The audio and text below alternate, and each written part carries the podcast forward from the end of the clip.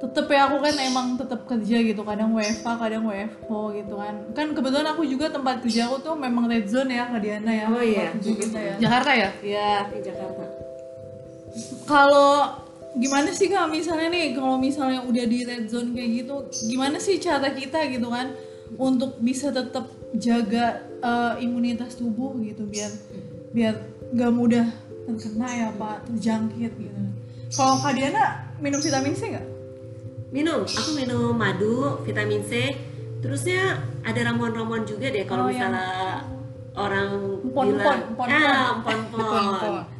itu kayaknya bagus juga deh kalau menurut aku sih sebelum kejadian ini pun juga apa namanya rempah-rempah itu kayak